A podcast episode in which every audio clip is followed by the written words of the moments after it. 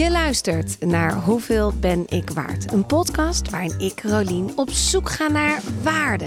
Eigenwaarde, financiële waarde. Want zijn we daar niet allemaal naar op zoek? Lieve Ellen, Femke, Anastasia, Annemoon, Petra en Janna. Ja, Janna is wel mijn moeder. Dankjewel, mam. Welkom bij de groep. De groep wordt ook steeds ietsje groter en dat is natuurlijk fantastisch nieuws.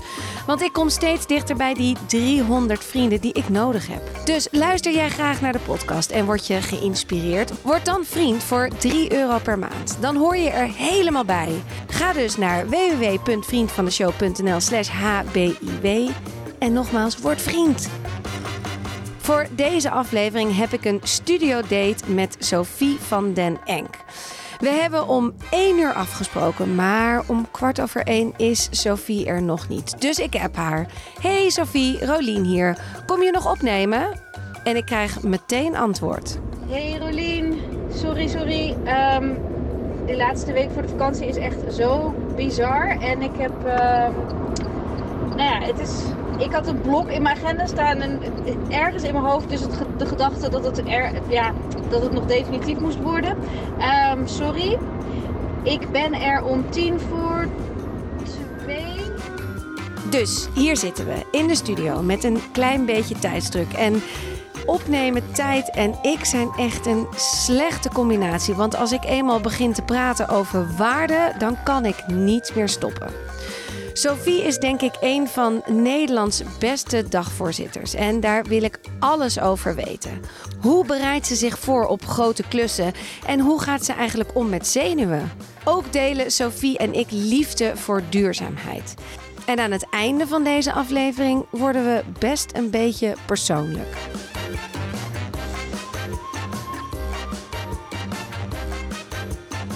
In, uh, ja, ik, woon, ik woon in Utrecht. Oh ja, maar dus, was je in de eh, buurt hier? Nee, ja, ik heb hierna nog een afspraak in Amsterdam. Dus dacht ik, dan uh, combineer ik het. Dus jij bent in de auto gesprongen? Ja. Nou. Ja. Hoeveel ben jij waard? Zo. Nou, ik vind het, ik, vind het, een, hele, een hele eer dat jij dus in die auto... Oh, wat je kreeg toen je mijn appje net kreeg, toen was het nog, was je nog thuis. En toen dacht je, shit, ja, ik wist nou het wel. Toen, maar, ik, zat, ik zat wel toen al in de auto. Ik dacht, ik rij ah. hoe dan ook naar Amsterdam. Want ja, ik heb het afgesproken en ik kom gewoon. Alleen ik ben dus iets te laat. Ja. dat is dus de, hoe ik normaal gesproken ben. Dus als je dan klassenmoeder wordt. Ja, dat is dan wel een risico. Dat is een uitdaging. Ja. ja. Ben je chaotisch? Um, nou, dat is dat. Um, ja, goed, ik ben gescheiden. Dat, het is wel een verwijt wat ik veel heb gehoord in een bepaalde periode van mijn leven. Maar sinds ik niet zoveel tijd meer doorbreng met die specifieke periode, uh, ja, hoor ik het minder vaak. En geloof ik zelf ook af en toe. Ha, ja, ik weet niet. Soms creëer je ook chaos in je leven. Hè, als je de rest even niet wil zien. Toch? Dat is zo'n loesje ook ja. van tijd geleden. Heb ik net mijn kamer opgeruimd. Is mijn leven een puinhoop. Ja. ja. En op een bepaalde manier is dat ook vaak zo. Dat, ja. Uh, ja. Ruis creëren is ook heerlijk. Ja, of, of lekker chaotisch. En uh, ja. ja. hoef je ook echt niet eigenlijk na te denken. Precies. Ja. Heel veel mensen hebben zo'n druk, druk, druk buffer inderdaad om zich heen hangen. Want ja, kijk, dan heb je natuurlijk ook geen uh, tijd om even na te denken over de ingewikkelde dingen in jezelf. Nee, nee, dat klopt. Ben ik ook heel goed in. Een ster. ja, vind ik ook altijd heerlijk. Ik heb ook altijd chaos en... Uh... Het is ook niet, het is ook helemaal prima. Weet je, als je uh, ik denk dat drukte je ook vaak kan, uh, kan redden of zo. Als je een beetje de gang erin houdt, dan uh, ga je ook niet stilstaan. Ik denk dat voor veel mensen ook daarom corona best wel een hele ingewikkelde periode was. Want we werden gedwongen om stil te staan. En dat had iets prettigs ergens voor veel mensen. Oh, eigenlijk stappen we nu even uit die gekke tredmolen van, van afspraak naar afspraak en werk en file en alles. En tegelijkertijd kwam het dan daarna, als die adrenaline van die drukte dan een beetje uit je weg zijpelt, dan wat blijft er dan over? Ja, heel veel vermoeidheid en, en dus een soort confrontatie met jezelf. Ja. Lekker, lekker confrontatie lekker, met jezelf. Ja. Maar jij bent ook chaotisch. Of jij creëert het ook. Ik creëer het ook wel, ja. ja om niet te veel te hoeven voelen. Mm. Ja, niet te veel te moeten nadenken, ja. Hoewel ik nu wel door de podcast er heel goed in ben geworden... Eh, moet ik wel meer structuur hebben. En ook al heb ik heel veel chaos, moet ik toch nog nadenken. Want de vraag, hoeveel ben, je, ben ik waard...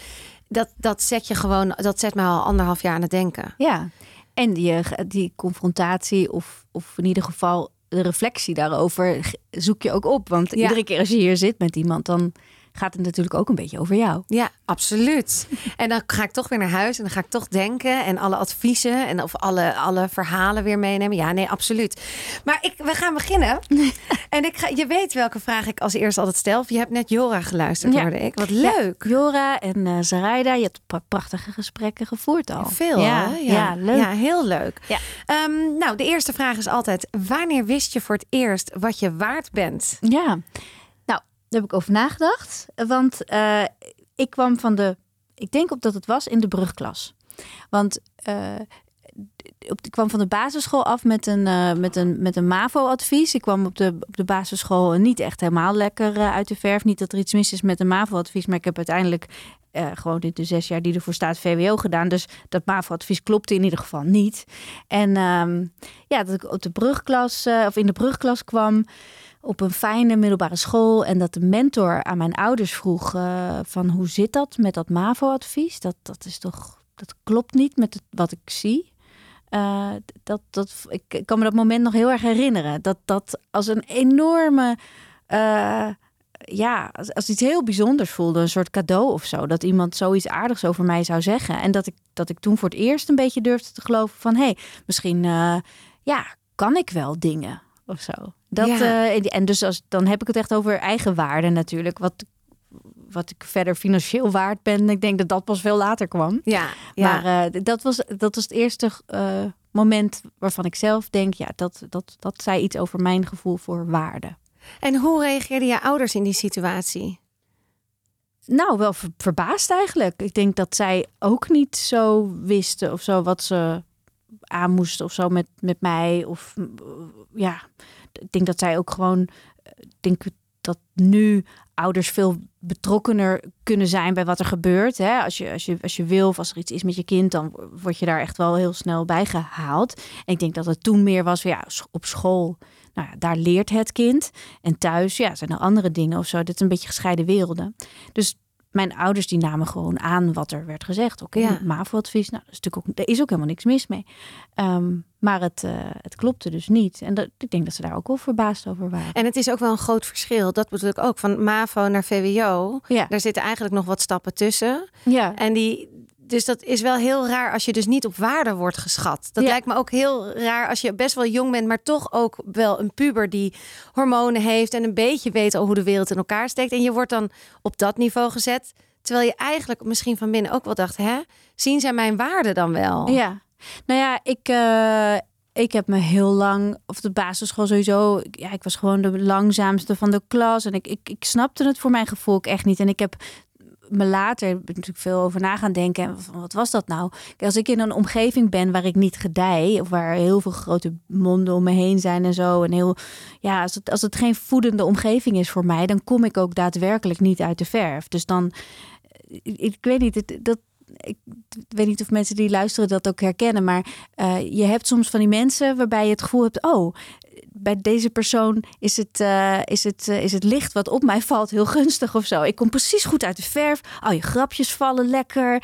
Uh, ja, je kan goed uitleggen wat je bedoelt en die ander snapt het ook. En dan, dan groei je ook echt. En je kan echt dus door wat er om je heen gebeurt, of de mensen waar je door omringd wordt, of het nou in een baan is of in je familie of zo, kan je echt, ja, dat, dat kan je echt naar beneden drukken. Ja. Als je, zeker als je er gevoelig voor bent. Dus ja, dat, ik, ik heb me toen gerealiseerd hoe belangrijk omgeving is voor mij. Niet dat ik daarin dan vervolgens altijd de juiste keuzes heb gemaakt. Nee, maar, maar ik herken wel, het wel. Ja, wel mooi. En ook dus fijn dat uiteindelijk iemand die waarde wel zag en zei van hé, hey, we gaan dat eens even anders bekijken, want ik zie resultaten die hartstikke goed zijn. En dat kwam dus ook mooi om te, wat ik dan hoor is dat die omgeving dus ook heel belangrijk was. Ja. ja. Die jou dus kan opliften. Ja. Maar jij hebt een beroep, onder andere dagvoorzitter dan moet je wel heel flexibel zijn in de hele tijd dat aanvoelen wat die omgeving doet. Ja. Om wel waardig te blijven staan in je functie. Ja, nou ja, dat, daar denk ik wel vaak over na, inderdaad. Uh, ik kom wel ook bijna altijd terecht in een, in een mannenwereld of veel mannen. Um, dus ik ben wel gewend eigenlijk van oudsher dus al om een beetje onderschat te worden. En dat ik zie het soms gebeuren gewoon. Dat je niet per se meteen serieus genomen wordt. Ehm, ja, om, om allerlei redenen. Van het is jouw vakgebied niet. Of, en ik denk voor een deel ook een vrouw wordt toch op een bepaalde manier bekeken. Ook al zal niemand dat meer hardop durven toegeven. Maar je voelt dat gewoon. Eh, en het zit hem ook in van die subtiele dingen, weet je, dat je als vrouw gewoon sneller onderbroken wordt dan een man mag altijd uitpraten. Uh, dat is ook echt aangetoond in wetenschappelijk onderzoek. Dat, ik, en ik ben daar heel gevoelig voor. Ik zie dat dan gebeuren. Maar juist die underdog-positie vind ik persoonlijk heel prettig. Want als er dus niet zoveel van je verwacht wordt, dan kun je altijd schitteren. Ja, dan kun je altijd overstijgen wat er wat, er, wat het uitgangspunt is. Ja. Dus uh, ik vind dat wel prima. En om dan elke keer opnieuw in een setting te komen waarin je dan jezelf moet bewijzen. Op een bepaalde manier is dat elke keer voor mij die brugklaservaring. Ergens binnenkomen met, nou, we weten het niet. En dan laten zien, oh, maar kijk, dit ben ik waard. Ja. En dat doe ik elke keer, herhaal ik dat. Want ik, ik kom overal nou ja, ik word wel vaker teruggevraagd, ook op bepaalde plekken. Dat vind ik dus meteen al ingewikkelder, want dan hebben ze al een hogere verwachting. en dan, uh, dan denk ik, oh ja, nu moet ik het wel waarmaken.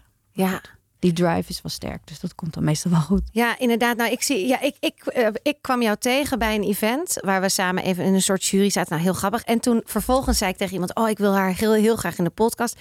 En toen hoorde ik die week meerdere mensen zeiden: Zij is de beste dagvoorzitter van Nederland. Oh, echt? Goed, hè? Maar kan jij, kan jij mij en ons vertellen, wat doe jij eigenlijk allemaal? Ja, nou, uiteindelijk is nu dagvoorzitter wel echt mijn beroep geworden.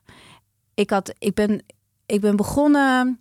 Nou, dus uiteindelijk na, de, dat VWO vond ik wel echt dat ik universiteit moest doen. Uh, dus ik heb universiteit gedaan. Ik ben journalist geworden, verslaggever bij uh, eerste stage gelopen bij Max Westerman in New York. En uh, ik heb Amerikanistiek gestudeerd. En uh, bij RTV Utrecht toen gaan verslaggeven, presenteren. En via die weg bij de VARA terechtgekomen. De wereld draait door Daarna Caro en CRV. Een heleboel televisieprogramma's gemaakt. Want dat was echt wat ik dacht dat ik wilde. Televisiemaker worden. Um, Wie is de Mol uh, gewonnen. Heel lang keuringsdienst 2014, ja, zeker. Heel, ja, allemaal hartstikke mooie, leuke dingen. Maar uiteindelijk is eigenlijk die televisieomgeving, merkte ik, is voor mij dus de niet zo voedende omgeving. Uh, ja, het is, het is niet mensen zullen niet zo snel zeggen wat ze aan je waarderen of zo. Dus ik, ik, ik, vind, ik, ik, ik vind televisie maken ontzettend leuk. En ik, ik hoop ook echt dat ik het ja, wat nog wel weer eens ga doen. Maar wat ik, wat ik heb gemerkt is dat eh, de combinatie van het van, van dagvoorzitter zijn. Dus dat zijn heel vaak hele inhoudelijke bijeenkomsten. Hè. Dus grote bedrijven of organisaties of soms kleinere, die eh, organiseren een bijeenkomst heel specifiek op een bepaald thema. Iedereen die in de zaal zit is ingevoerd in dat thema. En juist willen ze iemand erbij die met een frisse blik van buitenaf, uh, maar toch inhoudelijk uh, die dag een beetje ja, in goede banen leidt. Nou, daar, daar, heb je een paar dingen voor nodig. Dus de journalistieke kant, de, de, inhoudelijke kant, nou, die heb ik. En het andere is dat heel vaak als mensen erg ingevoerd zijn op een onderwerp, heel saai daarover gaan praten. Dus en wat een heel dankbare, leuke taak is, is om daar humor in te brengen en vaart en energie. En ik, in mijn studententijd heb ik ook cabaret gedaan. Ik heb ooit het Cabaretfestival in Rotterdam gewonnen. Dus ja, die humor en, en dat podiumgevoel, dat heb ik ook. En die twee dingen, die komen zo mooi samen in dat dagvoorzitterwerk. Ik word er gewoon altijd heel erg vrolijk van om dat te doen. En mensen zijn zo blij omdat de dag anders toch wel heel lang zou hebben geduurd of heel saai zou zijn geworden. En dan kwam er nog eens bij dat toen het corona werd en al het werk wegviel, uiteindelijk toch virtuele events werden georganiseerd. En het dan heel handig is dat je ook televisieervaring hebt. Dus dat je dan die, ja, die poot er ook nog eens bij kan pakken. Denk, oh, hey, nu wordt eigenlijk het dagvoorzitterwerk met dat inhoudelijke en die humor, wordt ook nog eens op beeld. Ja, dat kan ik, dat kan ik omdat ik televisiemaker ben. Dus nou, ja, pakt er allemaal gewoon heel goed uit. Het is nu wel inderdaad iets wat, wat je steeds meer hoort. Moderator, inderdaad. Ook denk door corona veel meer is gebeurd. Nu mogen we weer events, dagvoorzitters. Maar hoe, jij bent op deze manier ertussen gekomen. En dan wil ik het hebben over het stukje financieel. Ja. Want heb jij dan een agentschap die dingen, die klussen voor jou regelt, die dit soort events aan jou koppelt? Of doe je dat allemaal zelf? Oké, even een Rewind. Want voordat je het antwoord krijgt op deze vraag, wil ik het heel even hebben over mijn lievelingsproduct, Oslo Skin Lab. Sorry, ik ben veel te laat. Maar ik had wel gebeld. Ik had een afspraak voor een gezichtscan, maar ik was een beetje aan de late kant. Oeps. Lekker zitten, wat wil je drinken? Nou, water. Ja? Ik gebruik nu namelijk zes maanden Oslo Skin Lab. En ja, jullie weten inmiddels hoe blij ik met de solution ben. En dat ik echt duidelijk verschil merk. Als je vergeleken met de eerste. Ja, zo'n verschil. Ja, ja echt top. Omdat maar wat fijn hoe, hoe je dat zelf al ervaart. Hè? Dus dat jij soms dus in de spiegel kijkt en merkt in je huid van... hé, hey, mijn huid voelt zo fijn. Want dat, een betere meting dan dat ga je niet krijgen, hè? Nee, dat, dat, dat is zo ervaren. Toch ben ik ook benieuwd naar de daadwerkelijke resultaten. Het is een moment van de waarheid eventjes. Vind je het spannend? Nou, ik vind het wel, ik vind het Gewoon wel benieuwd. leuk. Nieuwsgierig ook. Ja. Dit is dan even de scan van vandaag. Ik ben even benieuwd naar de rimpels. 73% is echt super netjes. Even voor de procenten, eigenlijk wil je 100%. Ja. Je wil Hoe hoger, hoe beter eigenlijk. En, ik, en dan even terug, want de, de rimpels is nu op 73. Die stond echt op. Dus even kort. 100% is de perfecte huid. Maar ja, dat heeft echt niemand. En voordat ik de solution gebruikte, zat ik ongeveer op 30%. Prima, maar er was dus nog wel veel winst te behalen. En nu zit ik op 73%. Dat is echt een heel groot verschil. We keken ook nog even naar mijn wangplooien. Als we kijken, nu kan je het eigenlijk ook wel weer goed zien bij je wangen. Ehm, kijk deze plooien hier, Ja. hoe dit loopt. Inderdaad. En kijk Ja. dan hier. Dus dit is, Dat is mooi. dit is ook echt al... ehm, hier lijkt je gezicht wat bedrukter, wat vermoeider, Ja. zeg maar. En hier is hij wat opener. Ja, Zo moet je het eigenlijk zien. Leuk. Nou, ik ben heel blij. Oké, het mogen duidelijk zijn. De solution van Oslo Skin Lab is mijn grote favoriet. Wil jij dit ook proberen? Dat kan. Met de kortingscode ROLIEN krijg je 60% korting op je eerste box. Link staat ook in de show notes. Nu terug naar het antwoord van Sophie. Nee, ik, heb, ik heb echt een agent en daar ben ik ook heel erg blij mee. Want het is best wel veel en je komt overal meestal maar één dag. Dus je gaat, ik hop echt van eh, een groot Engelstalig event over de, ja, over de over zonnepanelen of zo, zonne-energie en hoe je dat eh, collectief inzamelt in combinatie ook met eh, waterstof en dan, dan politiek en bedrijfsleven, alles komt samen naar ja, een, da- een dag voor bol.com of zo. of, of ING. Of, nou. En dan, eh, dus die inhoudelijk maak je hele grote sprongen steeds.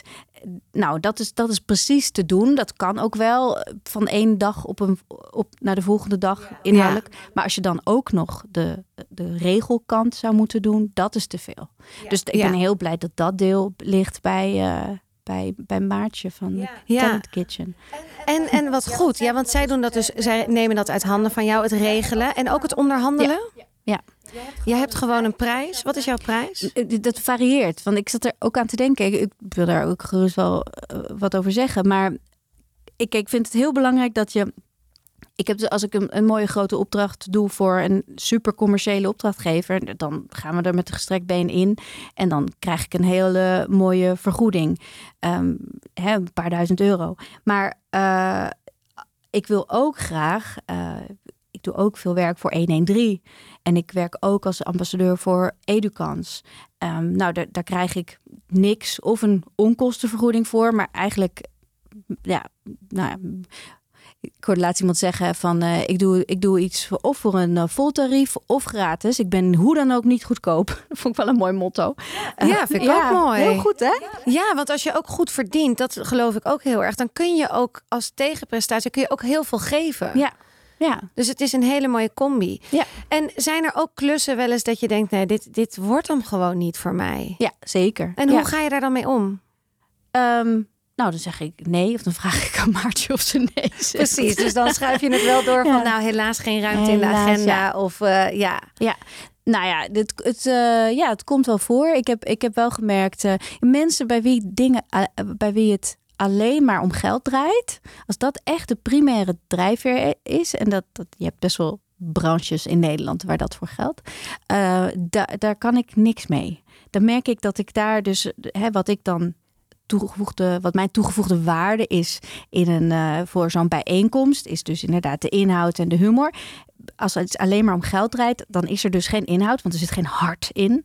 Uh, en humor, nou heb je dan meestal ook niet. Dus dan slaat alles dood. En uh, ik heb echt wel eens voor een zaal gestaan. Ik dacht, oei, nou, hier hadden ze beter iemand anders neer kunnen zetten, want het klikt niet tussen mij en de zaal. Dat is vrij zeldzaam, maar dat, en, dat, en ik, ik heb dat toch wel terug weten te herleiden tot geld. Ja. Als dat, als dat het enige is wat mensen drijft, dan, dan kan ik het niet. En herken je nu die organisaties die dat doen? Dus als jij een, een aanvraag ja, dat binnenkrijgt, zijn. dan dat zijn deze. Nee, maar jij weet gewoon ook met je, vanuit je hart en vanuit je gaat dus ook heel erg op intuïtie af en toe van hey, dit, dit bedrijf past bij mij. Of als je je inleest, sommige bedrijven ken je niet. Ja, nee. Dus je krijgt dan wat, wat informatie en dan denk je, ja, nee, dit is niet, dit is niet met een hart. Uh, ja, ja het, het zit een beetje in sectoren. Bijvoorbeeld zorg en onderwijs is altijd fantastisch. Dat zijn de allerleukste mensen. Want het, als je het hebt over hart, weet je, dit zijn mensen die echt, er, echt ergens voor staan natuurlijk. Ja. Um, maar, uh, maar ook, uh, ja, ook, heel, heel veel grote corporates nemen nu natuurlijk steeds meer dat idee hè, over van uh, Simon Sinek heeft dat geïntroduceerd op, op grote schaal. Dat, dat gevoel van hè, de why, dus de, de golden circle. Dus dat een organisatie uiteindelijk moet weten waarom die doet wat die doet. Niet ik verkoop computers, want ik verkoop computers. Maar hè, ik wil mensen helpen om goed informatie te verwerken. Nou, dus de, de, je voelt dat veel bedrijven daarmee bezig zijn. Hè? Dus wat is onze purpose? Uh, en je kan dan ook wel voelen, vind ik, als je met echt op. Want ik praat altijd op C-level met mensen. Dus dat is hartstikke leuk. Echt de hoogste baasjes in zo'n club, die krijg ik dan te spreken. En je kan voelen of dat echt is. Ja. Dus um, ja, dat is mooi, hè? Maar je kan, het is ook een talent van jou om daar doorheen te breken. Ja. Hoe, hoe, hoe bereid jij je voor op zo'n event? Hoe bereid je je voor op die mensen? Die zijn inderdaad vaak topniveau. Hoe doe jij dat? Nou, uh, kijk, ik zorg wel dat ik goed weet wat, wat voor vlees ik in de kuip heb. Dus wat voor bedrijf is het? En dat, je kan natuurlijk al heel veel zien dat het op een website, hoewel het natuurlijk altijd heel mooi gepresenteerd wordt. Maar het allerbelangrijkste is de voorbespreking. Um, dat, dat je even praat met de mensen die het organiseren. Dat je hoort van, oké, wat is nou echt het doel van deze bijeenkomst? Waar liggen de pijnpunten en zo? Dat kan je vaak in hele subtiele dingen allemaal een beetje zien, weet je. Dan, dan wordt er iets gezegd, nou ja, er komt er nu een onderdeel. Ja, dat is een beetje spannend. Uh, en dan denk ik, oké, dus daar zit het. Dat is waar het eigenlijk om gaat. Hè. We hebben dan al een, een uh, openingsspeech gehad van de, van de grote baas. En we hebben dan een inspirerende keynote spreker gehad. Maar dan komt dus, oh, de paneldiscussie. Oké, en dan willen we, oh, dan willen we geen vragen uit de zaal. Oké want dat vind ik een beetje spannend als we de microfoon opengooien, wat er dan komt of zo. Nou ja, dan, ja, ik vind het heel leuk om dan te kijken van waar, wat kan er, wat kan er nog net wel, wat, wat, wat gaat echt te ver, zeg maar. Dus uh, probeer goed te identificeren waar, ja, waar, waar schieten ze echt iets mee op, weet je wel? Want het is maar ja, een dag en dan, en dan gaat iedereen gewoon weer verder met zijn werk. En dan hoop je gewoon dat er iets is wat er gezegd is.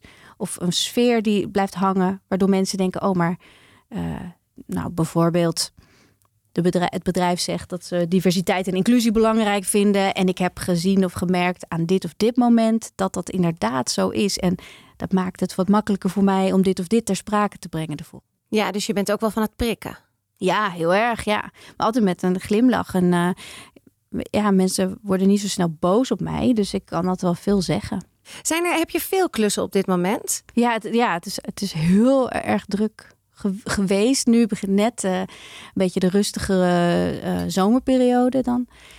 En dat, uh, dat is ook wel echt heel erg nodig. Ik heb ja. ook besloten om voor het najaar het een klein beetje anders te doen. Dat ik toch wel gewoon vaste vrije dagen. Want als freelancer pak je dan alles aan.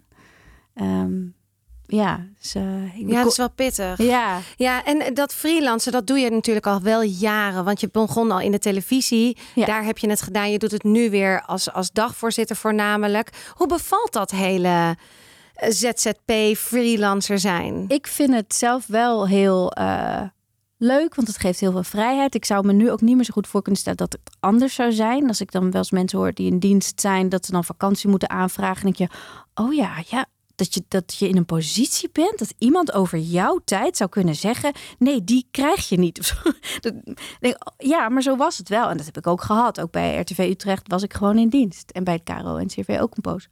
Ehm, maar ja, ik vind het op een bepaalde manier wel jammer dat dit werk niet anders kan. Het kan gewoon niet uh, in dienst eigenlijk. Maar ik zou wel, ik, ik vind het wel jammer dat ik nergens bij hoor. Nee, je hebt geen team. Ja, je hebt je, je agentschap of je, je manager en, dan, en daar houdt het mee op. Dat is jouw, ja. ja. want in een teamwerk is heel leuk. Kan ook heel veel creativiteit aanzetten. Hoe zet jij die bij jezelf dan aan? Oh, ik, waar ik altijd heel erg geïnspireerd van de mensen die ik ontmoet. En ik had natuurlijk altijd heel erg zo lekker lachen met mezelf als ik dan de mensen zo ontmoet. En dan eh, heel vaak een soort spanning bij natuurlijk voor zo'n dag. En uh, ja, het is gewoon heel leuk om, om te zien wat de verwachtingen zijn. En uh, ja, het allemaal verschillende soorten types. Mensen die het heel relaxed aanvliegen en die denken van nou, het komt allemaal goed. En uh, nou, leuk dat je er bent. En ook mensen die dan tot in de puntjes willen blijven regelen en zo. Ja, ik krijg heel veel energie van mensen. Ik ben in het verleden heel erg depressief geweest, maar ik ben altijd blijven werken. Omdat momenten dat ik, als ik mensen zie, dan dat, daar haal ik heel veel uh, energie en positiviteit uit ja. altijd. Ja, want als je met zo'n in zo'n event werkt, dan ben je ook met elkaar. Dan zit je natuurlijk ook een paar weken, daar gaat voorbereiding. Want ook over het geldstukje, je krijgt natuurlijk een mooi bedrag misschien voor zo'n event, maar daar zit, komt wel denk ik meer bij kijken. Ja, het is nooit alleen die dag. Het is inderdaad ook de voorbereiding en, uh, en de voorbespreking en dat wat je thuis doet om het in kan en Ik wou net zeggen, ja. werk je wel eens dingen uit, echt van een grapje of een opening, of eh, heb je dan echt je blaadjes bij je? of verhalen die je wil vertellen of anekdotes? Ja, nou nee, uh, eigenlijk niet. Want ik heb het wel eens geprobeerd. Alleen mijn ervaring is toch dat het belangrijkste is dat je echt engagement hebt met de zaal. Dus je kijkt wat is er in de zaal. Um, en dat kan je toch eigenlijk op mijn kracht is improvisatie. Dat was ook toen ik cabaret deed of zo. Dan, uh, ik was in een duo en de ander bedacht dan de, de teksten en zo. En, maar als er een telefoon afging in de, in de zaal of zo, dan, dan ging ik daar op improviseren. Ja. Dus dat was dat is een beetje hoe ik werk. Ik schrijf ook nooit hele teksten uit. Sommige mensen doen dat, maar ik, ja, dan staat er heel veel op je kaartje. En ik wil niet naar mijn kaartje kijken. Ik heb natuurlijk wel kaartjes om even te weten wat de volgorde zijn, maar ik wil gewoon die zaal in kijken. Ik ja. wil zien wat voor reacties zijn er, wat leeft er, hoe gaat het. Maar dat vind ik wel een talent, want ik heb nog best wel vaak ook met voice-overs of als ik dingen moet inspreken, dat ik echt nog, ik moet dan, ik kan ik vind het heel lastig om zomaar dingen te improviseren. Misschien kan het soms wel, maar ik zou toch echt thuis ook wel een soort heel script voor mezelf gaan maken. Van oh hoe. Maar dat doe jij, dus dat laat jij helemaal los. Nee, dat zou mij enorm afleiden. En ik heb ook gemerkt dat soms dan deed ik het wel en dacht ik, dan hou ik me daar aan. En dan, maar dan verlies ik dus het contact met de zaal. Want dan ga je dus in je hoofd zitten. Maar dan kan je niet meer goed zien wat er in die zaal gebeurt. Ja, absoluut. Dus ja, ik, als ik een keuze moet maken, ja, de, de zaal gaat voor. Ja. En, maar inspreken is in dat opzicht wel echt anders. Dat zou ik ook uitgeschreven doen hoor. Dat vind ik niet gek dat je dat wil voorlezen. Want je, weet, je krijgt ook geen respons dan. Dus je wil dan gewoon een prettig tempo erin brengen. En het zijn twee andere dingen, maar soms moet je stukjes, heb ik stukjes voor deze, voor deze aflevering bijvoorbeeld, of een andere of iets anders. En dan, dan staat het heel erg strak uitgeschreven, maar ik wil het natuurlijk ook eigen maken. Dus dan denk ik, oh, dan ga ik het leuk improviseren. Nou, dat is dan toch zo moeilijk. Dan hou ik me toch heel erg vast aan de tekst. Ja. Het is een kunst om, en ik denk dat dat ook een kwestie is van heel veel vlieguren maken, maar dat je kan spelen met teksten. Dus als jij op een, als jij dagvoorzitter bent en je hebt wel een paar bloknootjes of je hebt wat, wat woorden, bijvoorbeeld gewoon boom, want je wil het nog even over dat verhaaltje van die boom hebben. Ik noem wat.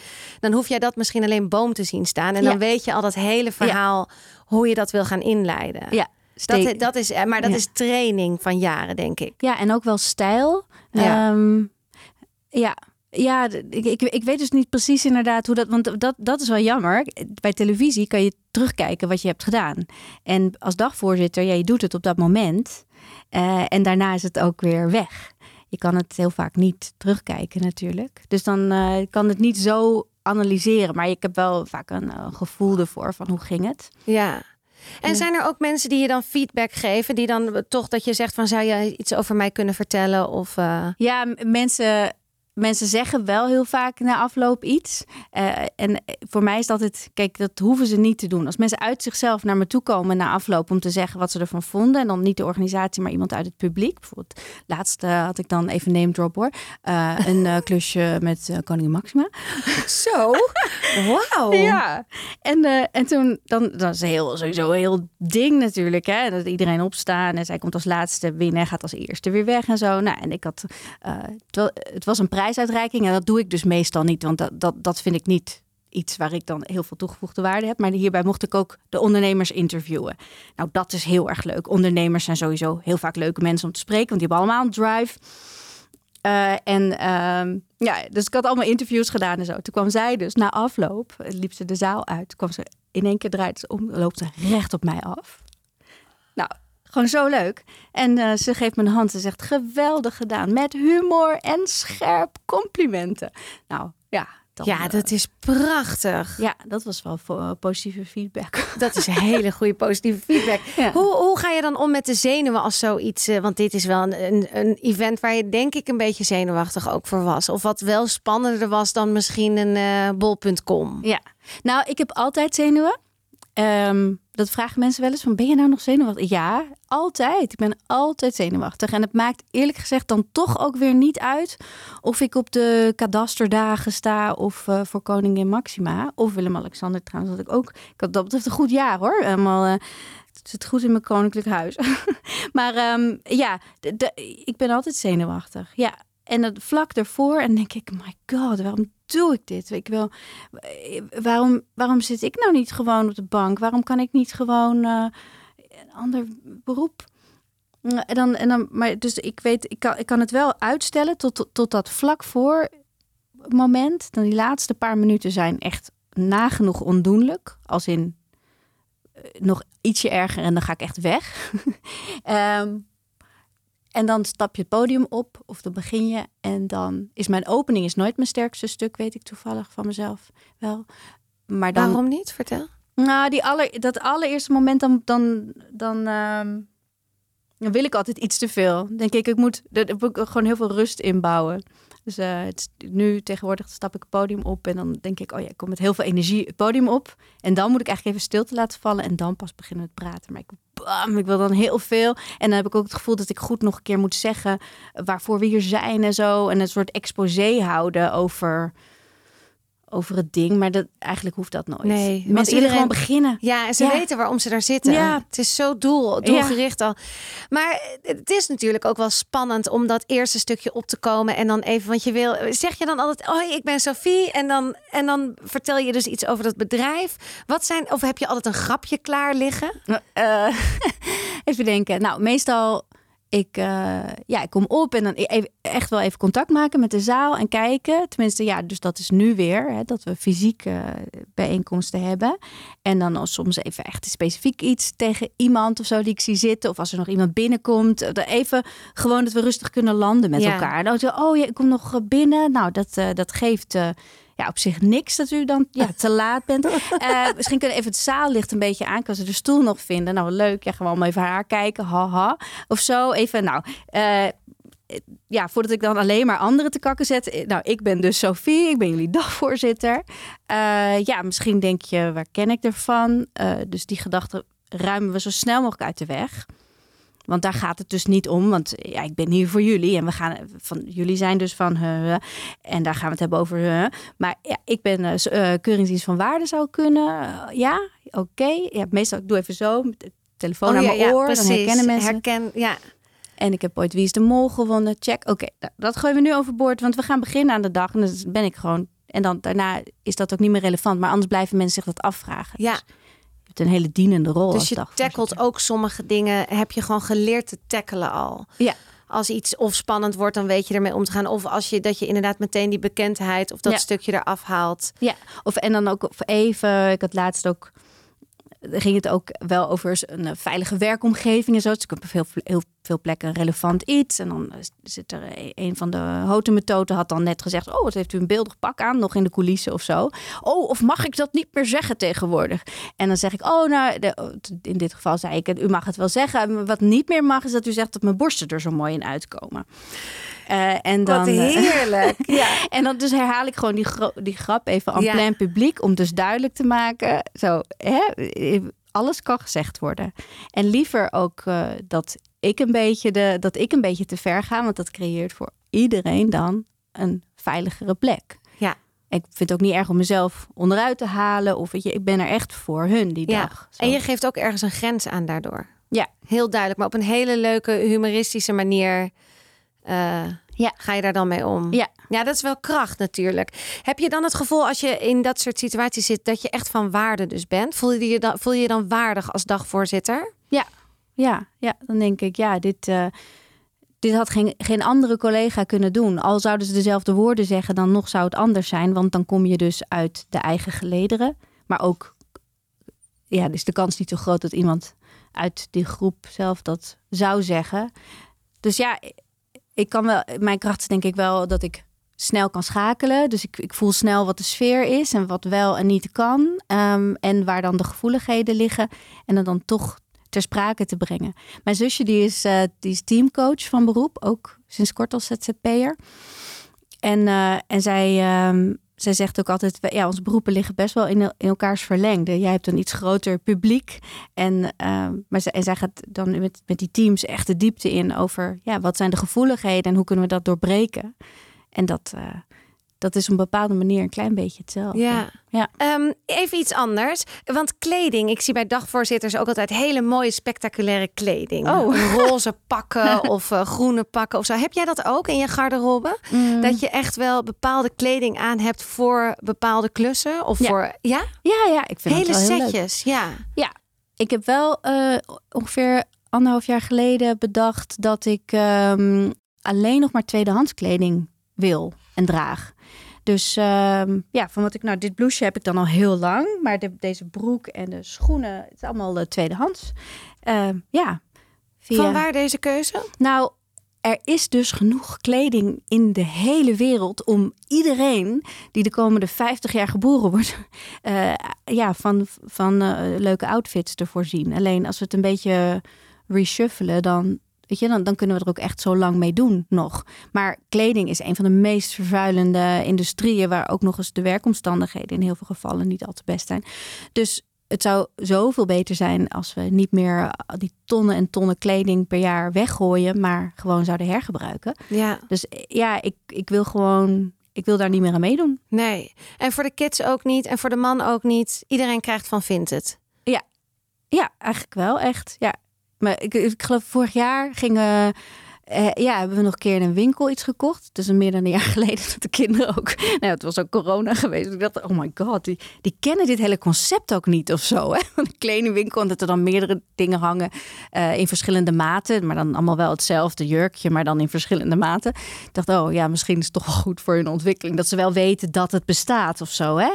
Want eh, ja... Jij ging echt nooit met ze naar een winkel. Nee, nee, nee. Nee, ik moet heel eerlijk zeggen, ik ook echt nooit. Nee? Nee, ik koop alles bijna op Vinted. Ja. Eh, eh, of Marktplaats of wat. En ook heel erg dol op de kringloop. Ja. Ik ben echt, eh, ik ga heel goed daarop. Ja. Ik kan het niet altijd voor mezelf alles, maar ik ben geen shopper. En ik Ja. ben, als je de True Cast hebt gezien, Ja. heb je die documentaire Ja. gezien? Ja, dan schrik je je wel heel erg. Ja. Ja, het zou, het zou ontzettend helpen als er, al zouden maar een paar mensen die nu zitten te luisteren denken, oh, dat is misschien wel eens een idee.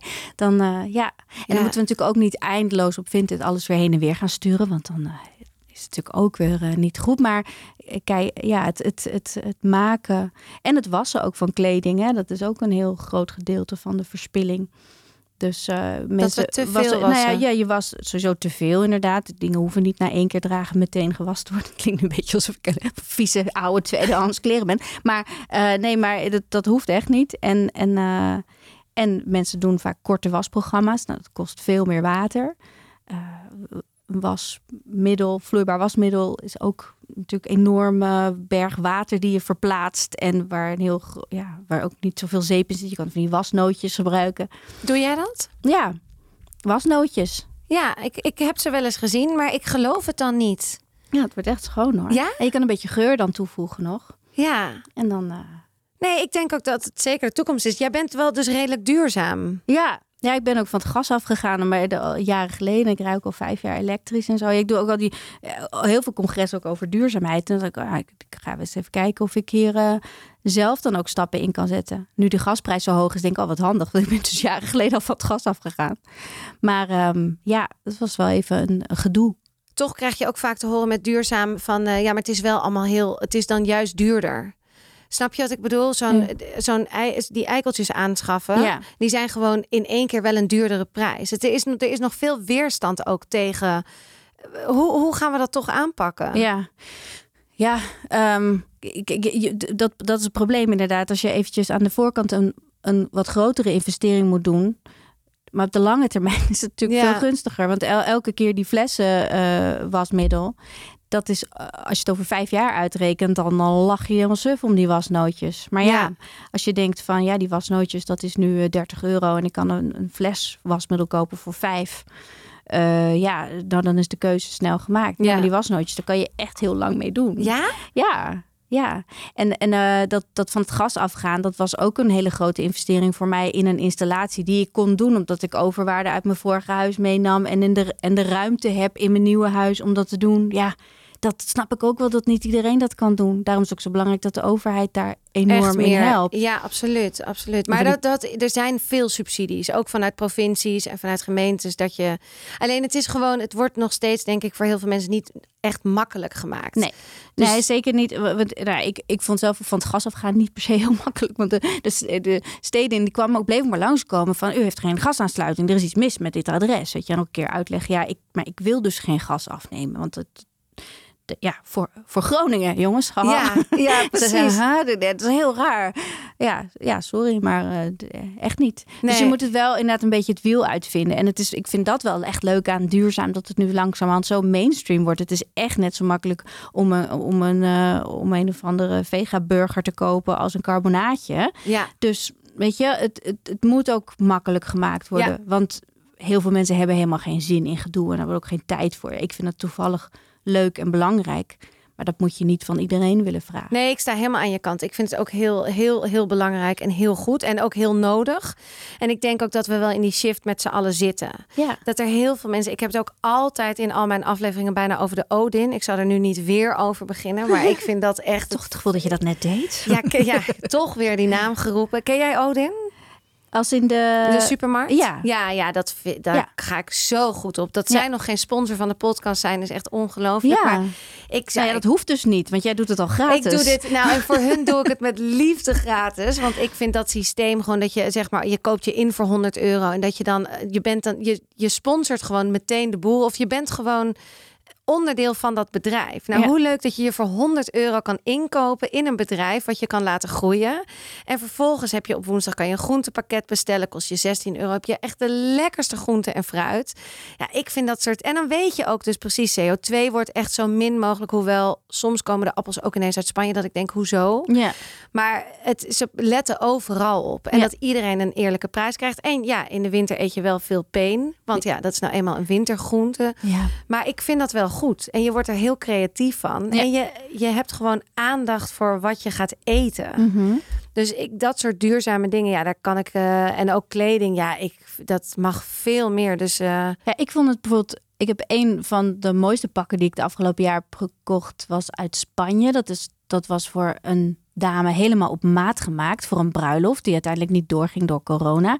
En zij zat daarmee, want ja, dat pak dat had 500 euro gekost of zo. En heeft ze nooit gedragen. Dan had ze het op Vinted gezet voor 150 of zo. En wij dus heen en weer appen via, via die app. Eh, en en ik zo nameet. Ik zeg, kun je nog één keer die taille? Oké, want ik denk, ja, als ik het nou op laat sturen, ja, 150 euro is dan een koopje ten opzichte van wat zij ervoor heeft betaald, maar toch nog een heel bedrag. vind ik ook. Ja. Ja, eh, dus eh, nou, uiteindelijk denk ik, ja, ik, oké, ik waag het erop. Nou, en het zit dus als gegoten en het is zo'n mooi pak. En ja, Eh, ik kwam eh, Splinter tegen, eh, Splinter Chabot. En die zei, nou, wat zie jij er beeldig uit. En dat is hartstikke leuk. Ik denk, ja, als, als Splinter het leuk vindt, dan, Ja, is dan het weet wel je dat het- officieel goedgekeurd. Precies. En heb echt een officiële goede Ja. deal gedaan. En dan denk ik, zo leuk. Ik heb dus nu een soort van iemand uit Spanje ontmoet en geholpen op een bepaalde manier. En ja, dat, dat was gewoon een heel leuke Ja. ervaring. En als je het dan hebt over hè, met aandacht en liefde over je eten, maar dus ook je kleding. Hoeveel leuker is dit verhaal dan iets wat je ja, in een dure winkel eh, bij een verkoopster die Ja. dan zegt: Dit wordt hem. Ja. had zo'n grappige vraag bij de kassa. Dit wordt hem. Als je dan iets neerlegt, zegt dit wordt hem. Ja, ja, ja. Alles kunnen vinden. Ja, alles kunnen Ja. vinden. Nou ja, niet, niet alles. Eh, wereldvrede, levensgeluk zaten niet, Niet eh, op aan een duurzaamheid. Ja. Nee, was er ook niet bij. Maar we doen het toch maar, inderdaad. Ja, nee. Ik vind ook, eh, we gaan straks nog even de vijf vragen doen. Dan ik zal dit nog terugkomen. Ik wil nog even een klein stukje doorgaan over geld. Want hoeveel verdien jij per maand? Dat wisselt dus heel erg. Want ehm, er, zitten, er, zit, er zit echt wel een soort van piek in de, in de, de, de klussen en de bijeenkomsten. De zakelijke bijeenkomsten worden heel veel in het najaar gedaan. Dus van september, oktober tot, tot de, de, de, de oud en of de kerstbijeenkomsten, zeg maar. Ehm, dus tot de december, daar, daar, daar zit een hele grote piek. Dan januari, februari zijn vaak wat rustiger. En dan maart komt het weer op stoom, helemaal tot en met juni begin juli, de grote vakantie. En dan valt het helemaal stil. Dus ja, daar kan je echt geen, eh, geen pijl op trekken. Maar jij kan maanden echt heel goed verdienen. Ja. En dan denk ik aan 10.000 euro per maand. Ja, zeker wel. Zeker. Ja, als het niet meer is. Ja. Maar dan heb je dus ook in augustus heb je die dip. Juli. Ja, en dan verdien je gewoon nul. Nul. ja. Precies. Maar dan ben ik wel vrij eh, voor de kinderen. En dan sta ik gewoon op de camping. En, eh, ja, Maakt je dat fijn. onrustig? Die periodes dat er niks binnenkomt? Ehm, nou, dat hangt er een beetje vanaf hoe de periodes daarvoor zijn uitgevallen en wat er al in het verschiet ligt. Ehm, maar inmiddels word ik daar niet meer zo onrustig van. Ik dacht ook heel lang dat werk als dagvoorzitter is toch afhankelijk van of je ook op televisie bent en zo. De mensen vinden het interessant om iemand als dagvoorzitter in te huren die van televisie is. Maar inmiddels durf ik ook wel erop te vertrouwen dat ik genoeg werk heb gedaan als dagvoorzitter voor mensen om echt eh, ja, mij in te huren puur daarvoor. Dat dat gewoon ook echt een beroep is. En dat het een vak is dat ik beheers. Ja, dat... Ik vind het een enorm vak. ik vind het ook echt. Ik, ik wil het ook gaan doen. En ik, ik zeg ook niet dat ik het voor alles kan. Ik denk dat ik wel. eh, nou ja, dat weet ik nog niet. Ben ik aan het, onder, aan het uitzoeken. Het lijkt mij geweldig. Ja? Oh, Ja. wat leuk. Maar we hadden het even terug naar dat geld. Want heb jij, ik, de haak, ik, ik ben helemaal afgeleid. Ik wil eigenlijk zoveel vragen. Maar ik zit toch altijd met die stress van die tijd. Van, oh, Ja, ik moet sorry. zo weg. Ja. Ehm, want ik wil nog weten, maak je wel ook altijd voor jezelf een soort financieel doel? Van ja, ik wil wel dit jaar dit halen. Ja, nee, eigenlijk niet. Nee. Nee, nee, dat eh, zei mijn zusje laatst. Van, eh, ik doe nou eens een keer eh, gewoon per maand wil ik dat verdienen. En als dat binnen is, dan neem ik daarna ook gewoon geen klus meer aan. Want soms hè, dan blijf ik mezelf echt voorbij hollen. Ehm, en nou ja, dat, dat is wel iets waar ik de komende tijd misschien een beetje mee wil gaan experimenteren. Want ik was net, ik was dus net gescheiden. Toen kwam corona. Toen had ik ook nog mijn huis verbouwd. En eh, mijn eh, nieuwe liefde, die, dat is een Amerikaan, die woonde nog daar. En die mocht niet naar Nederland reizen vanwege dat inreisverbod. Nou echt, ik zat dus met kinderen fulltime thuis, die ik ineens les moest geven. eh, zonder werk, met een torenhoge hypotheek van een huis dat nog niet op mijn naam stond. Inmiddels wel. Bam. Dat is ook een lekker gevoel, ja, hè? zeker. Heb je hem uitgekocht? Ja. Ah, dat is toch tof? Nou, speaking of waarde. Ja. Dan voel je je wel even waardig. Nou, Of- ik kan soms wel eventjes, eh, nou ja, weet je, van, van eh MAVO-advies tot eh, die zware depressies en nou, nou, nog wel wat dingen of zo. Dat ik af en toe gewoon eventjes naar de muurtjes van mijn huis kijk. Dat ik denk, godverdorie, dit is gewoon van mij. Ja, ben een beetje van de bank, maar jeetje, wat, wat heb ik dit goed gerooid. Maar dat is echt iets wat mijn moeder ons altijd, mij en mijn zusje, heel erg heeft meegegeven. Van je moet financieel onafhankelijk zijn, op eigen benen kunnen staan. Nou, ik kan me er helemaal niks bij voorstellen dat je dat niet zou kunnen. Ik heb altijd heel hard gewerkt, maar ook altijd mijn eigen boontjes kunnen doppen. En dat is echt zoveel waard. Ja. ja, dat is ontzettend veel waard. Woont inmiddels die Amerikaan ook bij jou? Ja. Die is net, die is net wel nu ingevlogen. Ja, nou ja, nu inmiddels eh, twee jaar in Nederland. Ja, hij, eh, ja. Oh, dat is ook bijzonder. Samengesteld gezin. Ja. Haalt hij kinderen? Heeft hij Een, kinderen? een bicultureel, eh multitalig, eh, ja, en dit is best wel ingewikkeld, maar ook heel leuk. Ehm, De kinderen praten ook Engels met hem. ja, proberen een beetje combinatie te doen, want de kinderen verstaan behoorlijk goed Engels en die worden eigenlijk nu al twee jaar tweetalig opgevoed.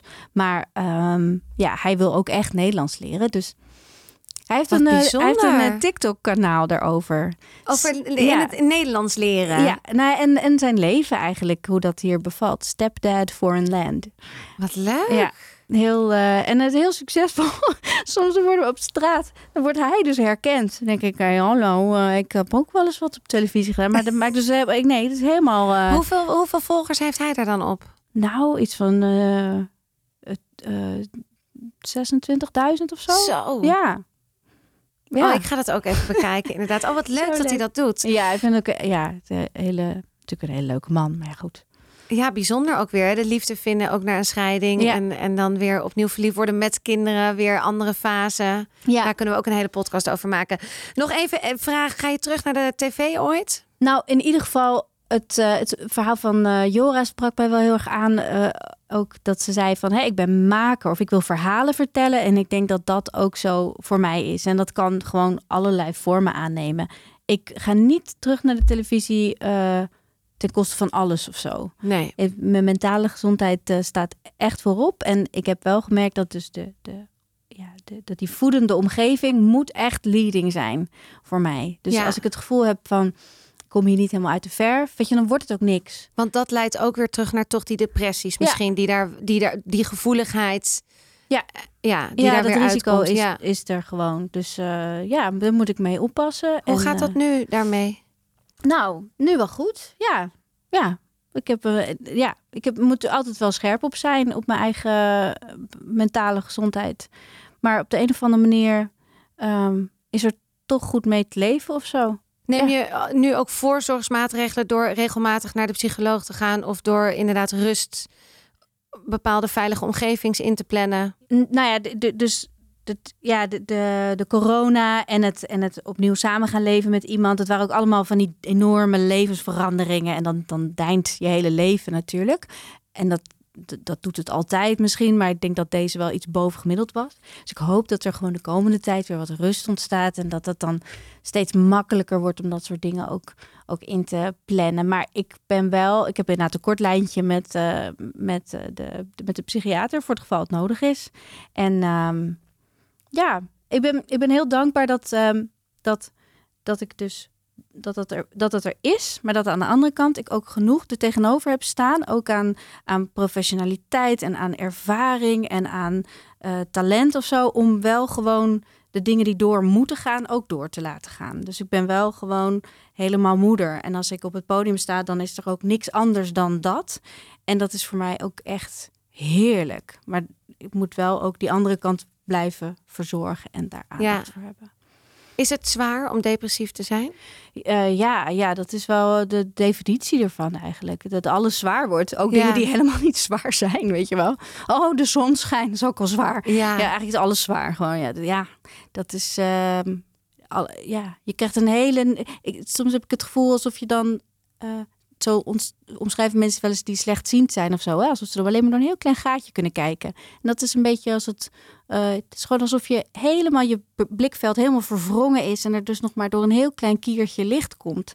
En daar moet je het op doen. Ja, dat is gewoon te weinig om, om echt lekker te gaan. Ja. En eh, het, maar het komt gewoon niet binnen. Nee. Je kan er niks aan doen. Het is gewoon hoe het In je hoofd. in je hoofd werkt. georganiseerd is op dat Ja. moment. Ja. Ja.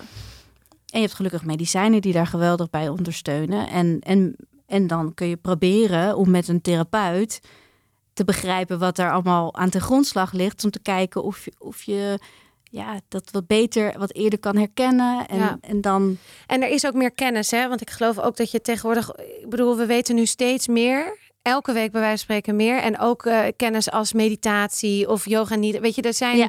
Dus je hebt medicijnen, maar je hebt ook tegenwoordig plantmedicijnen die Ja. misschien kunnen gaan helpen in de toekomst. Dus Ja. er is wel een andere tijd, misschien dan 50 jaar geleden, en heel depressief zijn. En wat enorm helpt, is dat we er natuurlijk over kunnen praten. Ja. Dat jij er nu naar vraagt en, en niet denkt van, oh, dat rottig onderwerp, even omheen lopen of zo. Maar dat ik, en dat ik dat durf te zeggen. Ja, De, de, ik denk dat dat misschien wel een van de meest helpende medicijnen zijn, weet je? Dat, Ja. dat, dat het wel bespreekbaar is. zeker. En, en dat je er ook niet om veroordeeld wordt. Want ik heb, ja, je kan je er toch ook heel makkelijk om gaan schamen of zo. Of Ja. Je denkt, oh, ik ben toch wat minder Maar ik kan me waard. wel voorstellen bij jou dat mensen vaak denken: hè, maar je bent toch, je bent zo vrolijk en je bent energiek en je Ja. ziet er leuk uit. En weet je, je hebt, hoezo zou jij dan depressief zijn? Ja, ja, ja dat, dat, is, eh, dat is inderdaad heel... Een rare stempel. Ja. Ja, en een, en een raar ehm, contrast. Maar dat geldt Ja. natuurlijk voor heel erg veel mensen. De, de, de, de meeste comedians zijn ook heel depressief. En ja, toen... Ja, dus er zijn ook genoeg beroemde mensen die er zelf voor gekozen hebben om, om hun leven te beëindigen. Waarvan je ook denkt, hè, maar die had alles. Zei, ja, dat is niet... ehm, de- nou ja, kun je nagaan dus hoe, hoe, hoe, hoe sterk die ziekte dus kan zijn, Ja, eigenlijk. Ja. Hè? Want ik, ja, ik geloof wel dat zoals ik hier nu zit, vrolijk en met jou te praten, dat dat wel echt is wie ik ben. En ja tegelijkertijd zeker. Ja. is er ook inderdaad eh, soms eh, momenten Ja. dat je op de bank ligt en dat je echt denkt, ik kan me niet voorstellen dat ik ooit zeg maar nog naar de keuken zeg maar helemaal zou lopen. Terwijl het is best wel dichtbij. Ik heb wel een mooi huis, maar zo groot. Zo is het groot is het ook weer niet. Nee, Ja. nee nou dat, dat, lijkt me, dat lijkt me dus ook dat lijkt me lastig. Dat ook voor jezelf dat dat contrast af en toe niet te rijmen is. Dat de ene dag voel je je waarschijnlijk on top of the world. En het kan zomaar ineens anders zijn. En dan schrik je misschien zelf ook weer van dat. Oh god, die, die, die ja, zwarte. Dik, ik was toch verder dan dit? Ja, nee. ja, En, eh, precies. En dan word je toch weer teruggefloten. Ja, ja. Hoewel ik dus ook het leven, leven vind ik, is dit ook. Ja. En ik denk dat heel veel mensen hiermee struggelen. ja. En eh, met, met trauma's en dingen. Ik ben nu voor het eerst, uh, gisteren bij, voor het eerst, ik ben 40 hè, voor het eerst in mijn leven. En ik heb een, he- moeder die heel open-minded is over therapie en zo en alles. En mijn vriend is psycholoog, maar gisteren voor het eerst bij de therapeut geweest, bij een traumatherapeut. Jij zelf? Ja. Oh. Dus ik heb mijn eerste intake gehad. Nu moet ik nog met mijn vriend samen voor een intake. En het is ook helemaal niet over hele zware. Nou, iedereen heeft gewoon trauma's in zijn leven. Ik ben een Mhm. communekind, heb ik ook al vaker in de podcast over gehad. Van Osho, de Bhagwan. En ik was vier tot anderhalf jaar heb ik daar gewoond. Daarna is mijn moeder wel sanjas in gebleven, een periode. Maar vooral die eerste periode tussen mijn vierde en mijn zevende is een beetje on, nou, is gewoon onveilig geweest voor mij als kind. Ja. Ja, en nu ik ouder word, komt de, kom- je, je wordt er gewoon mee geconfronteerd. Je krijgt hem gewoon ja. hard in je gezicht. En je moet er dan kennelijk toch iets mee doen. Ja, ja. ja en, En, dat eh, is inderdaad eh, het, eh, het, het lullige ervan. Je kan inderdaad op allerlei manieren proberen omheen te lopen of van weg te blijven. En, en het, maar het haalt je gewoon in. Ja. En uiteindelijk is, want dat is, als je dan een beetje spiritueel wil aanvliegen, ja, uiteindelijk is alles in balans natuurlijk. Dus die, die, als dat. Als, dat, als je dus tot nu heb je, ben je dat niet aangegaan en is dat stukje in jouzelf een beetje scheef blijven hangen. En dus moet daar nu iets tegenover om hem weer Ja, in balans te krijgen. ja, ja. absoluut. En dat, ehm, ik hoop dat, dat, dat je het wel goed kan, eh, dat je dat hele proces goed kan rijmen met de rest van je Ja. leven. Dat het, dat het niet. Dat het klopt. Ja. Ja, ja. Want je, je hebt best, jij zit ook, eh, jij staat ook volop in het leven met eh, drie kindertjes die jou nodig hebben en Ja. je podcast en je Ja. vliegwerk. Ja, ook nog. Nou, dat is zeker waar. Maar ik denk wel dat ik. Eh, het voelt wel heel erg alsof het nu de tijd is. Dat er ruimte ook voor mag zijn. En ik, en ik ze, ze gaat je ook allemaal dingen vragen. hè, hoe zie je het leven? En kijk, ik ben niet depressief. Dus ik. Voor, ik ben, voor mij is dat heel fijn. In de zin van, ik vind het leven, en dat vind jij waarschijnlijk ook, maar ik vind het leven fantastisch. Ja. Dus ik zou, ik ben gelukkig niet, niet eh suïcide, weet je wel, of dat Ja. soort. Dat, de- en dat scheelt misschien voor mij in het proces ook, dat ik er wel nu op 40-jarige leeftijd ook een soort positief naar kan kijken. Want ik wil gewoon leren anders te reageren in bepaalde situaties. Heb je, ken je het werk ook van eh, eh, The Body Keeps the Score? Nou, wat Ja. grappig, die leest mijn vriend nu. Ja. Dat Ja. is heel grappig, want toen jij in het begin ook zei over dat, dat, dat je dat dus leuk vindt om ergens, of waar je goed in bent, je bent op een podium. Ja. Dan kan je een beetje de underdog zijn en dan vervolgens, dat Ja. is hetzelfde met, dat, met die muizen. Eigenlijk, Ja. Als ze, ze hebben die test met die muizen gedaan. eh, en dan stoppen ze muizen, die mishandelen ze eigenlijk twee jaar lang. Of die doen, zijn ze heel gemeen tegen met geluid en weet ik toch, zoiets is het. En dan vervolgens willen ze die mu- muizen in een veilige omgeving zetten, maar die, dan kunnen ze niet meer functioneren. Nee. Ze functioneren pas weer goed als ze in een onveilige situatie zijn. Ja, Ja, is ja, toch bizar? Daar zijn ze op afgesteld, inderdaad. Ja. en jij hebt waarschijnlijk inderdaad ergens tussen die vier en zeven jaar ook bepaalde echt fysieke reacties opgebouwd op bepaalde omstandigheden. Ja. En dat is dus de vraag van kun je dat, kun je dat ombuigen Ja. en makkelijker maken eigenlijk, hè, weer voor jezelf. Ja. ja. Ja, want ik wil gewoon in bepaalde situaties anders kunnen reageren. En niet zo emotioneel als dat vierjarige meisje die toen die hand miste. Van die moeder of van die mensen om de. Dus ja, het is, ik vind dat zo interessant. Maar ik vind het dus ergens ook he- heel leuk om dit traject aan te gaan. Ja. Of, of ik heb er gewoon vertrouwen in dat er. Ik dacht wel ook, oh, ik zat er anderhalf uur en ik ging echt binnen twee minuten al huilen. Terwijl ik echt zo binnenkwam. Nou, ik ga niet huilen hoor, wat een Ja. onzin, weet je. Ja, hoe harder Ja, je dat en- denkt, hoe, ja. sneller, hoe sneller En ik gaat. was echt binnen twee minuten van mijn apropos. Maar het luchtte ook. En er komen ook wel andere dingen naar boven. Dat ik denk, oh ja, dit gedrag heeft ook daarmee te... Oh ja, en als ik zo doe, dan, ja, komt wel veel... Het, ja, ik- het is natuurlijk ook wel weer een mooi iets of zo. Je bent ook maar jezelf gegeven als Ja. mens. Ja, En je leert, ben je het hele leven ben je bezig eigenlijk om jezelf te begrijpen. Denk van, goh, wat, ja, ik, ik, ik, ik zit dan wel in dit lichaam. Of Ja. ik, ik ben dit dan. Maar er is toch ook iets anders of zo wat jou stuurt. Of je, je wil heel graag eh, controle hebben, maar dat is natuurlijk een illusie. ja, En, maar waar, en hoe zit dat dan? Of zo? Ja, als je, als je een beetje jezelf op die manier kan zien als iets, ja, als een soort ontdekkingstocht naar binnen of zo. ja. Nou. Die ook de he- je hele leven waarschijnlijk ook duurt. Ja. Ja, ja, Ja, absoluut. Maar wel, Ja, als ze geluk hebben. Ik denk als je denkt van nou, nu is het wel klaar, dan, dan denk ik dat het ook klaar is. ja. Ja, heel moedig van je. Moedig hè, maar ook Ja, eh, heel gewoon moedig. Ook leuk. En dus ook, eh, ja, ik eh, wil daar ook open en transparant over zijn. Want het hoeft dus niet een, het is niet een zielig iets. Het is Mhm. geen drama. Het is gewoon iets van, hé, hey, hoe ga ik nu... Nou, en dan was het wel een zielig iets en was het wel een Is het drama. ook? Of misschien kom je erachter hè, dat dingen bovenkomen in die Ja. therapie, waar dat je denkt, oh, dit doet me eigenlijk meer dan ik dacht, of het zit dieper. Of, ja. Ja, dan is dat ook allemaal oké. Ja, absoluut. Ja. Want dat leidt natuurlijk ook weer. Ik heb het veel over geld, of vaak, het liefst wel. Eh, dat leidt ook weer terug naar eigenwaarde. Hè? Ja. Want als jij uiteindelijk, als ik daar niet in mijn kracht over dat stukje kan gaan staan. En ik ga bij elke onderhandeling huilen vanuit dat vier jaar. Nee, dat doe Ja. ik niet. Maar vanuit dat vierjarige meisje reageer op een afwijzing of wat dan ook. Ja, dat is ook niet professioneel. Of dat, dat wil ik niet meer. Ja. Ja, precies. Nou, het is, het is een professioneel. Het is een onderwerp wat gaat over je professie. Dus het is ook een professioneel onderwerp. Dus dat wil je ook als zodanig aan kunnen vliegen. Ja. En je wil ergens inderdaad op een. eh, Want ik heb ook wel eens gehad hoor. Dat ik mm, over iets. Dat ik ergens wel gevraagd word. En dan, dan hebben ze inderdaad niet heel veel budget of zo. Of, of toch iets minder. En dan moet je echt even bij jezelf voelen. Van hoe is dit? Ik sta daar dan straks. En ik weet dan dat ik dat krijg. En ik heb ook wel eens dagen gehad dat ik mezelf eh, lastig kon motiveren of zo. Of, en dan, dat je, dan, dan helpt het echt. Als je weet van, maar dit krijg ik hiervoor. En eh, dat, dat moet in verhouding zijn. Ja. Want als dat niet zo is, dan dat, dat, is, dat is gewoon niet goed. Dat in, voor je eigen waarde. Precies. En ook voor hoe er met jou omgegaan wordt. ja. Want ik heb wel eens klussen gehad dat ik echt goed betaald kreeg. Ik denk, wow, dan moet ik het maar waarmaken. En dan zijn die mensen ook heel blij met je. ja.